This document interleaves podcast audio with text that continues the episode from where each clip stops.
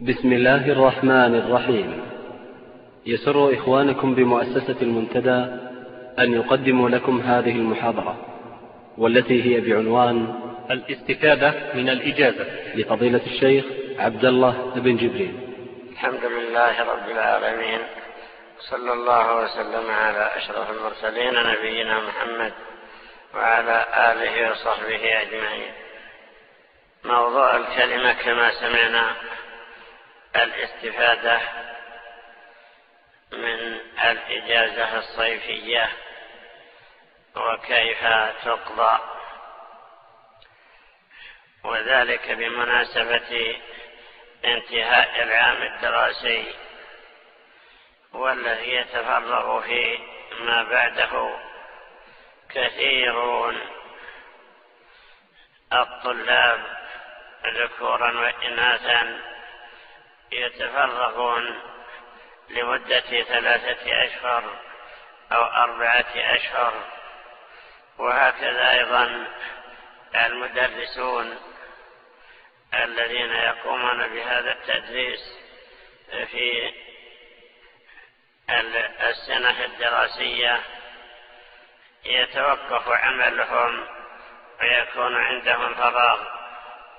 وهكذا كثير من أولياء الأمور الذين يتابعون أولادهم أو من يتولون تدريبه وتعليمه ومتابعته. فهؤلاء عندهم هذا الفراغ. ويمكن أيضا أن الآخرين الذين هم في وظائف رسمية أن ينتهزوا أيضا فراغ أولادهم وأهليهم ويأخذوا أيضا إجازة عادية توافق إجازة أوليائهم وتوافق إجازة أولادهم. فيكون في هذا فراغ. فهذا الفراغ لا يضيع على المسلم ولا ينقضي بدون أن يستفيد منه. وذلك لأن إضاعته يعتبر تعتبر إضاعة لجزء مهم من حياة المسلم التي هو ولا بد محاسب عليها ومسؤول عن كيفية استفراغه لها واستغلالها. فأولا نتكلم عن أهمية الوقت والحرص على شغله وعدم إضاعته. وثانيا نذكر بعض بعض الأشغال المفيدة التي إذا اشتغل فيها طالب العلم أو طالب العمل يستفيد من أيامه ومن أوقاته. وثالثا نذكر ما هو مباح من الأعمال التي يمكن أن تكون مفيدة أو على الأكثر مباحة. ورابعا نحذر من القواطع أو من بعض الأشياء التي يضيع فيها العمر سبهللا ويقضي فيها كثير من الناس أوقاتا لا يستفيدون منها أو يتضررون. وفي الحقيقة أن استيفاء الكلام على هذه المواضيع الأربعة قد يطول بنا ولكن نقتطف من ذلك بعضا من الكلام حوله وندع أيضا وقتا للإجابة على الأسئلة قبل الأذان وبعد الأذان. فأما النقطة الأولى وهي أهمية الحياة وأهمية العمر. فنقول إن عمر الإنسان هو رأس ماله. إن الإنسان في هذه الحياة أيام وليالي. ولا بد أن يشعر بأن ذهابها يكون ذهابا لحياته وانقضاءها انقضاء لعمره. وأن كل يوم يقضيه يعتبره قد قطع جزءا من حياته. أمضى جزءا من هذه الحياة خلفه وراء ظهره. لا, لا يرجع إليه. ولأجل ذلك كان كثيرون يحثون على استغلال الحياة والاستفادة منها. فورد عن ما نقل عن عيسى عليه السلام أنه قال إن هذه الأيام والليالي خزانتان وإنهما يودع فيهما الأعمال. ثم يوم القيامة تفتح تلك الخزائن. فالمحسنون يجدون في خزائنهم العزة والكرامة والمذنبون يجدون في خزائنهم الحسرة والندامة. يعني أن إذا جاءك هذا الليل فإنه سوف يطوى على ما تعمله فيه خير أو شر. وإذا جاءك النهار بعده فإنه أيضا سوف ينطوي على ما تعمله فيه. كل يوم يطوى على ما فيه. ولا بد أن الإنسان إذا طويت أيامه ولياليه يجد ما استودعه فيها. كأنها مستودعات كأنها خزائن. فيحرص المسلم على أن تمتلئ خزائنه بالعزة والكرامة تمتلئ بالخير تمتلئ بالحسنات. ويحرص أن يصونها عن السيئات وعن المخالفات. هذا هو الواجب على المسلم أن يكون حريصا على استغلال أوقاته. ورد أن كل يوم يطلع أو تطلع شمسه ينادي بلسان الحال. يقول يا ابن آدم إني يوم جديد وعلى ما تعمل في شهيد. فاغتنمني فإني لا أعود. كل يوم يناديك أغتنمني اعمل في فإني لا أعود. يأتي يوم آخر بعده. فهذا اليوم الذي ينادي الإنسان لا بد أنه يحرص على استغلاله.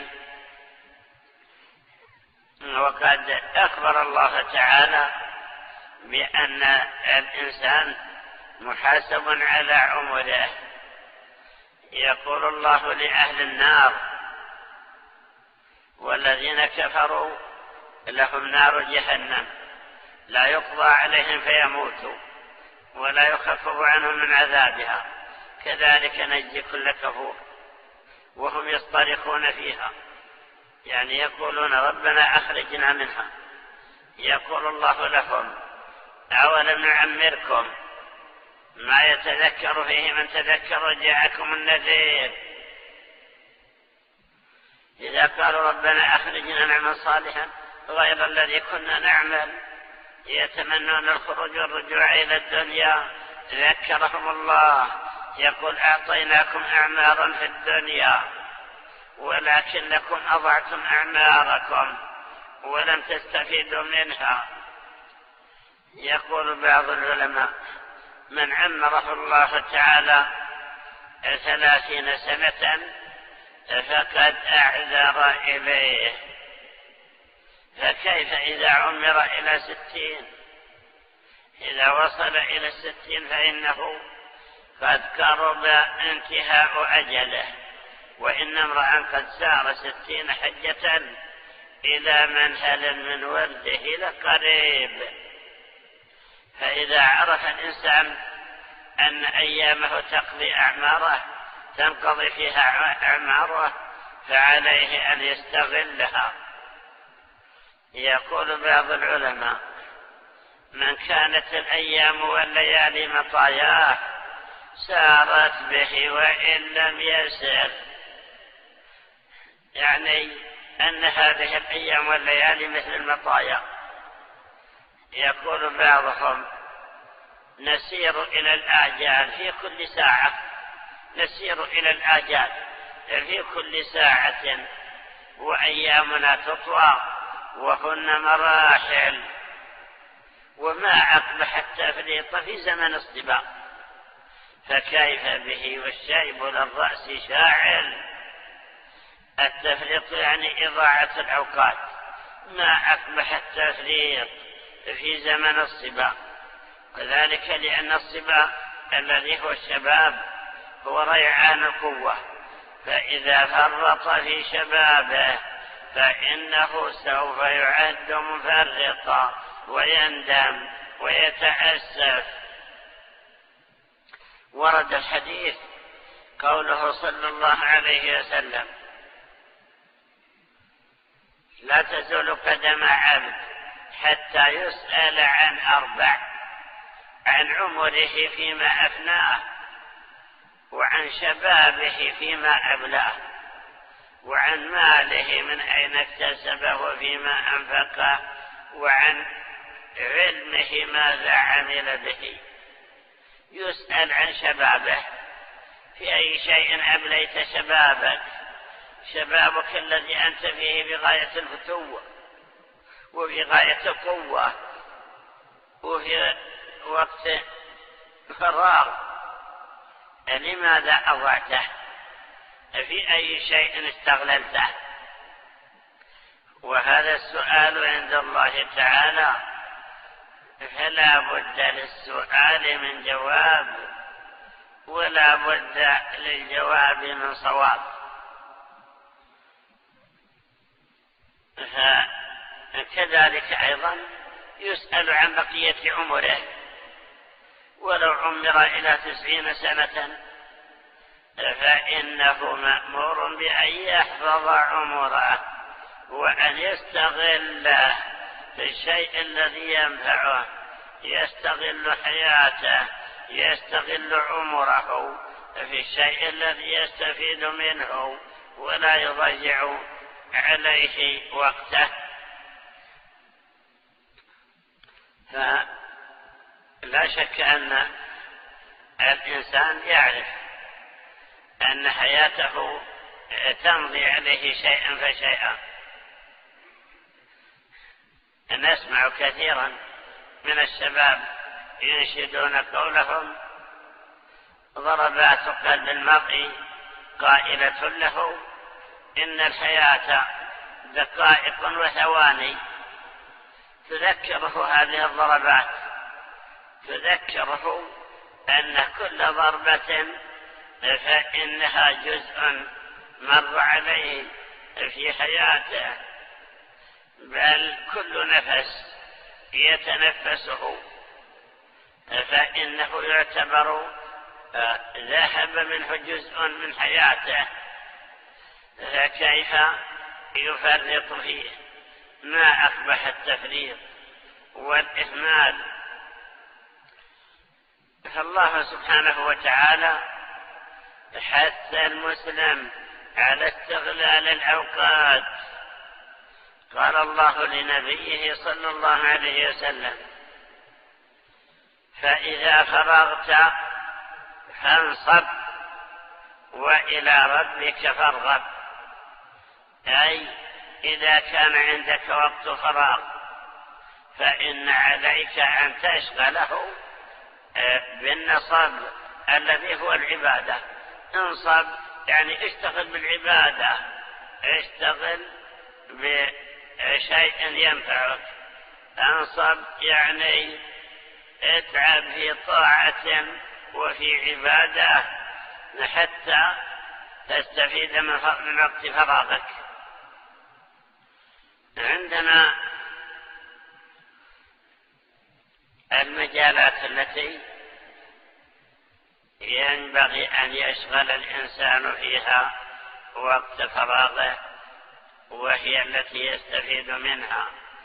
فائدة دينية فائدة علمية وعملية. فنقول ننصحك أيها الشاب وننصحك أيها الكاهل أن تشغل وقت فراغك بتعلم العلم. يوجد في هذه البلاد والحمد لله في وقت الإجازة حلقات علمية ودروس دينية يتولى تدريسها مجموعة من طلبة العلم فيغتنمها المسلم في أوقات فراغه. يدرسون بعد الفجر وبعد الظهر وبعد العصر وبعد المغرب وبعد العشاء في كثير من المساجد. في مساجد في هذا البلد. هذه من الفرص الذهبية. كون الإنسان يحضر هذه الدروس ويتابعها لا شك أنه بذلك يستفيد يستفيد علما. وبعد العلم يكون العمل يتبع العلم عمل صالح. فهذه من الفرص التي لا ينبغي أن يفرط فيها بل يستغلها العبد المسلم. هناك مسجد اسمه مسجد التقوى فيه دروس يقع في حي النصيف أو نحوه لمدة أسبوع. أربعة دروس يوميا لمدة أسبوع. هذا مما يغتنمه من عنده فراغ. وهناك مسجد في سلطانة ومسجد في حي شبرا. هذه أيضا فيها حلقات وفيها دروس يتوافد إليها أناس يأتون من مسيرة ألف كيلو أو ألفين لأجل أن يستفيدوا ويتعلموا. والمقيمون في الرياض ليس يرحلون إلا عشر كيلو أو أقل أو أكثر يعني أو نحوها. فهذه مما يقضي فيها الفارغ وقت فراغه. وهناك أيضا مدارس تحفيظ القرآن. وهي والحمد لله متوفرة منتشرة في كثير من مساجد هذه البلاد كهذا المسجد وغيره. لا شك أنها أيضا فرص همينة تتقبل الشباب تتقبل من السنة السادسة إلى من عمره عشرون أو ثلاثون أو أربعون لا يعتذرون من أحد أوقات الفراغ بعد في الضحى وبعد العصر وبعد المغرب يستغلها المسلم ويعرف أنها فرص ثمينة. يحفظ فيها كلام الله تعالى. وهناك أيضا مدارس أخرى فيها مسابقات ومنافسات. مدارس في كثير من المساجد يكون فيها دروس علمية يعني يقررون حفظ جزء من القرآن وحفظ أيضا أحاديث معلومة وحفظ مسائل فقهية علمية. وما أشبه ذلك ويجرون عليها مسابقات يعطونها فيها أيضا جوائز تحفز من كان له همة وهي مع ذلك في المساجد يغتنمها أيضا. من عنده فرصة وعمل وقت يعمل فيه وينافس ويسابق وهناك المراكز الصيفية. تكون في المساجد وتكون في المدارس وتكون أيضا في بعض الاستراحات. يشرف عليها نخبة من الشباب الصالحين المخلصين الذين يحبون للمسلمين الخير ويتقبلون من يسجل فيها. من أولاد المسلمين من طلاب المرحلة الابتدائية إلى المرحلة الجامعية والمعاهد العلمية وكذلك أيضا من ليسوا من الطلاب يتقبلونهم يكون عندهم نشاطات ومسابقات ودروس وحصص وتعليمات ورحلات وما أشبه ذلك لا شك أن هؤلاء أيضا لهم تأثير في من انتظم فيه معهم ومن آه، استفاد أو أراد أن يستفيد من من حياته. توجد في كثير من المدارس المتوسطات والثانويات وما أشبهها. إذا علم المسلم بأنه يستفيد دينا وعلما وثقافة وفهما وإرشادات وتوجيهات وأن الذين يتولون ذلك من الإخوة المخلصين الذين فرغوا أنفسهم وتبرعوا بأوقاتهم وقد يكونون أيضا تبرعوا بجزء من أموالهم يبذلونه لمن ينافس أو يسابق في هذا. وكذلك أيضا شجعهم كثير من الأثرياء الذين يتبرعون لهم بجوائز عينية أو مالية يشجعون بها المتسابقين والمتنافسين.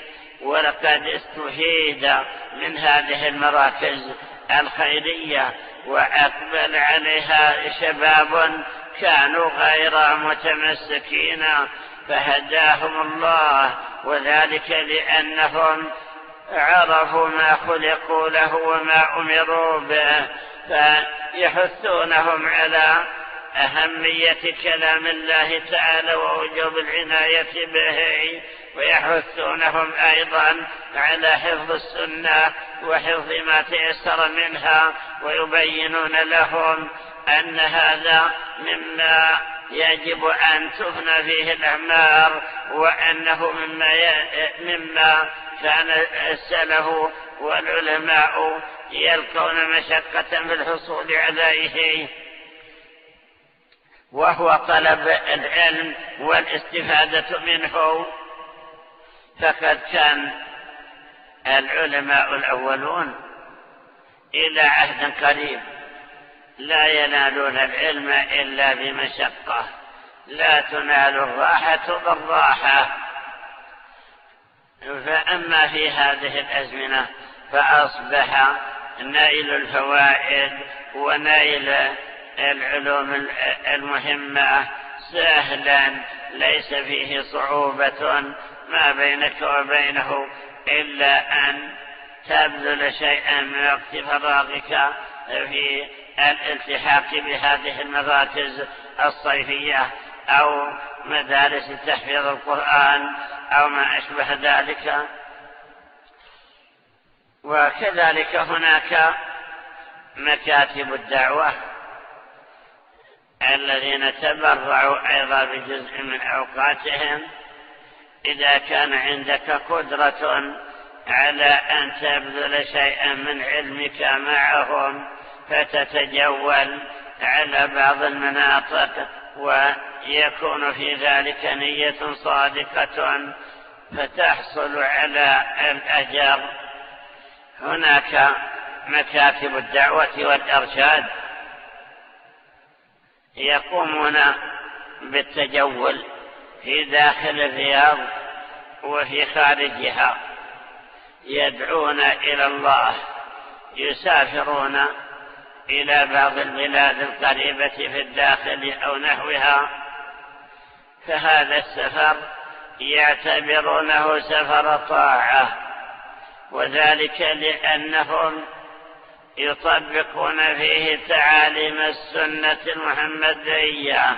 وكذلك أيضا يحرصون فيه على أن يعملوا بما يقدرون عليه يحرصون على أن يعملوا بالسنة التي تعلموها. ثم أيضا يدعون إلى الله يدعون إلى الله.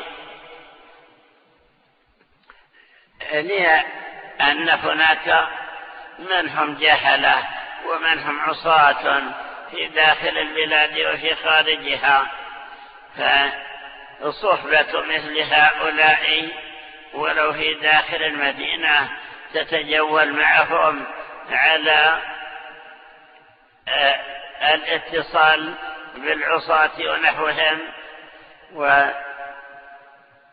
وتفقد الأحوال والاستفادة من الأوقات. في شيء ينفع. هذه أمثلة لما يحب المسلم أن يقضي فيها وقته. ذكرنا أربعا.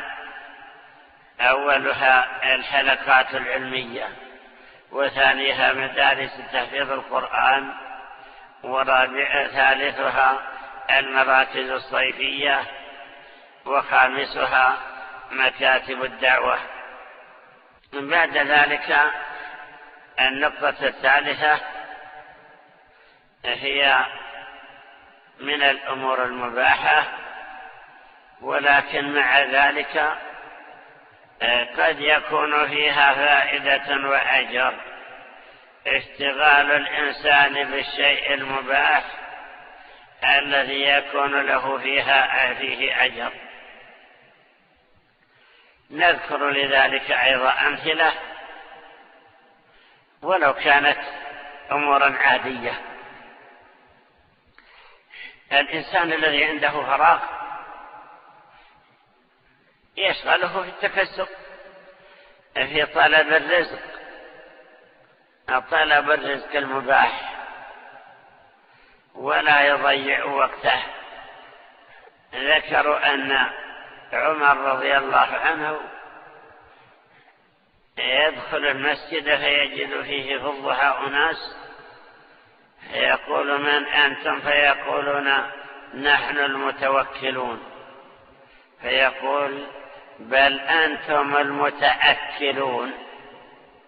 يعني أنكم تنقطعون عن طلب الدنيا وعن طلب الرزق وتطلبون من الناس أن يعطوكم وأن يطعموكم فكان كل من لقيه وهو ليس ب ليس عنده شغل يحثه على الاشتغال ويقول إن الله يبغض الفارغ البطال. الفارغ الذي ليس له عمل لا دين ولا دنيا. هذا يعتبر مفرطا ومضيعا حياته. الله سبحانه وتعالى خلق في الإنسان هذه القوة أعطاه السمع والبصر ولا تتم حياته إلا بكمال السمع والبصر وأعطاه اليدين والرجلين ولا يتم عمله وحرفته إلا بهما. لو قطعت رجلاه لتحسر. لم يستطع التقلب. ولو قطعت يداه لتحسر. لم يستطع العمل. إذا فهو قد أعطاه الله هذه الجوارح حتى يعمل. فإذا كان عنده وقت فراغ فإنه يشغله. في طلب المباح يشغله في أية حرفة يتكسب منها يغني نفسه أو كذلك أيضا يتصدق مما يكتسبه على العاجزين ونحوهم. والحرف كثيرة سيما في هذه الأزمنة.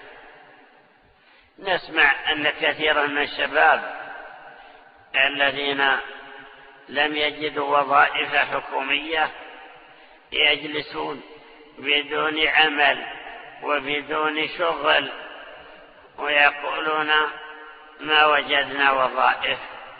هل الرزق كله منحصر في الوظائف الحكومية؟ اعملوا.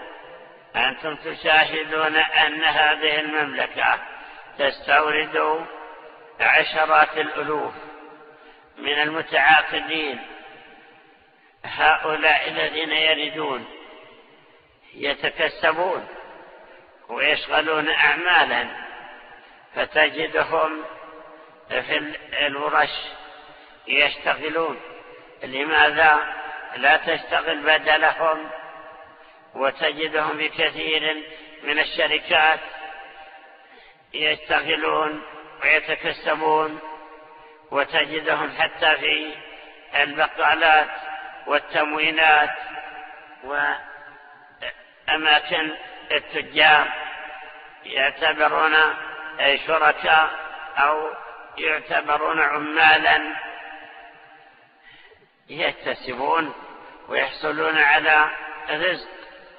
ولو قيل لأحدهم أرجع إلى بلدك لشق ذلك عليه يعرفون أنه ليس في بلدهم هذه المصالح. فكون الإنسان الفارغ يشتغل في إحدى الشركات أو مع هؤلاء العمال في أي حرفة في بقالة مثلا أو في ورش أو مع العمال في البناء ونحوه. خير له من أن يضيع عليه وقته دون أن يستفيد منه سواء في هذه الإجازات أو في غيرها. لا شك أن هذا كله مما ينشغل به يشغل الإنسان به وقته ليستفيد منه. حتى لا تضيع عليه أيامه. كذلك أيضا المباحات. المباحات هي أو تكون من المستحبات قضاء الوقت في زيارة الأصدقاء وفي مجالستهم وكذلك أيضا في زيارة الأقارب وصلة الأرحام وما أشبه ذلك سيما إذا كانوا خارج هذه البلدة فإنك إذا زرتهم تكتسب أجرا. زيارة الصالحين تكسب المسلم أجرا وثوابا كبيرا.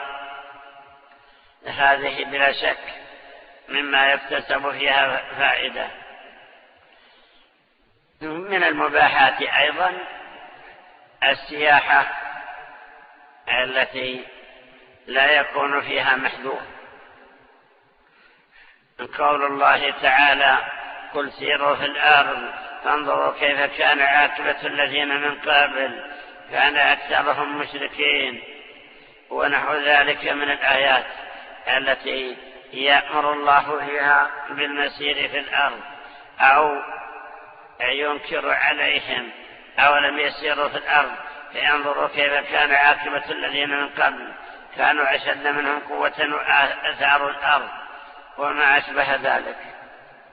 ففي هذه الأوقات أو في هذا الفراغ إذا قضى الإنسان وقته في التجول في البلاد وقصد من ذلك العبرة والموعظة فإن ذلك يكتب له أجر. وقصد بعد ذلك أن يفيد ويستفيد يفيد غيره من علمه ويستفيد. لا شك أن في داخل المملكة مناطق فيها شيء من الجمال وشيء من المنتزهات. وكثير من أماكن الفسح التي يأتي إليها الناس يجدون فيها شيئا من العجائب جبال شاهقة قد يكون فيها أيضا سكان وكذلك أيضا أشجار مختلفة الأنواع ومياه جارية أو أو قريبة من أن تنبع من الأرض وكذلك أيضا أزهار وثمار وأنواع من خلق الله تعالى. أليس الإنسان إذا سار في هذه قوية عقيدته عرف أن الله تعالى هو الذي جعل بين هذه وهذه فرقا كبيرا. يسير مثلا وقتا في أرض صحراء. ليس فيها شيء من المرتفعات ونحوها. ثم يسير في أرض رملية فيها كثب وفيها مرتفعات رملية. ثم يسير في أرض فيها أودية وفيها مسيلات وشعاب ونحو ذلك. ثم يسير في أرض جبلية فيها جبال متوسطة. أو جبال شاهقة لا شك أن هذا كله من آيات الله تعالى فيعجب من ذلك ويعرف أن الذي سيرها والذي خلقها ما خلقها عبثا بل جعلها عبرة للمعتبرين. فمن قضوا أوقاتهم في ذلك وأخذوا من ذلك عبرة وموعظة فلا يعتبرون مضيعين لأوقاتهم. بقيت النقطة الرابعة. نذكر رؤوس أقلام عنها كتحذير. فنقول نحذر المسلم العاقل من إضاعة وقته في الأسفار البعيدة سيما إلى البلاد الخارجية. التي يقع فيها المسافر في شيء من المحرمات. فإن كثيرا من الدول قد ظهر وانتشر فيها الفحش. فالذين مثلا يسافرون أو كثير منهم نعوذ بالله يقصدون الوقوع في شرب الخمور وفي سماع الأغاني. وكذلك في حضور المسارح وأماكن الفساد والوقوع في الفواحش في فواحش الزنا ومقدماته. لا شك أن هؤلاء خسروا أوقاتهم وارتكبوا آثاما كبيرة. وما ومع ذلك فإنهم خسروا أموالا. ينفقون أموالا ألوف. ينفقونها في سفرهم وكذلك أيضا فيما يبذلونه فيما يبذلونه من المال مقابل التمتع بتلك المحرمات. إذا كان هذا فعلى المسلم أن يأخذ على أيدي السفهاء من أولاده ويمنعهم حتى يحفظوا أديانهم ويحفظوا أوقاتهم ويحفظوا أموالهم. كذلك أيضا كثيرون يضيعون أوقاتهم حتى في غير أوقات الإجازة يضيعونها فيما لا أهمية له. فمنهم من يكونون في مجالسهم مجالس قيل وقال وكلام في الأعراض وكلام في فلان وفلان هذا من إضاعة الوقت. وكذلك الذين يضيعون أوقاتهم في سماع غناء وطرب وغير ذلك من المحرمات التي يستمعونها إما في بعض الإذاعات وإما في أشرطة ونحو ذلك. لا شك أن هذا من إضاعة الوقت. كذلك أيضا الذين ابتلوا باستقبال القنوات الفضائية بواسطة الدشوش وما أشبهها يضيعون أوقاتهم ومع ذلك فإنهم يتعرضون للمنكرات ويقعون في الفواحش والمحرمات أو يقربون من ارتكابها من ارتكاب هذه المحرمات. وما أكثر ما يحكى وما نسمع وتسمعون من آثار هذه الصور التي يتلقونها وينظرون إليها بواسطة هذه الدشوش وما أشبهها. فهؤلاء مع كونهم أضاعوا أوقاتهم لم يسلموا من الآثام بل وقعوا في أنواع من الجرائم وبكل حال نحذر المسلمين من أن ينشغلوا بشيء من هذه المحرمات حتى يحفظوا أوقاتهم ويحفظوا أديانهم ويحفظوا أموالهم ويحفظوا محارمهم ويأخذوا على أيدي سفهائهم. نقتصر على هذا ونسأل الله أن يحفظ علينا أدياننا وعقائدنا وأن يحفظنا في أهلنا وفي أولادنا وفي نسائنا وفي إخواننا المسلمين وأن يحفظ عليهم دينهم وعقائدهم وعلومهم وأموالهم وأن يوفقهم لاستغلال أوقاتهم بالشيء الذي يستفيدون منه ويعملون فيه عملا صالحا. والله تعالى أعلم وصلى الله على محمد. وختاما تقبلوا تحيات إخوانكم بمؤسسة المنتدى للإنتاج الإعلامي والتوزيع. الرياض هاتف رقم أربعة صفر أربعة ثلاثة ثمانية ستة ثلاثة. فاكس أربعة صفر أربعة واحد اثنين واحد سبعة. والسلام عليكم ورحمة الله وبركاته.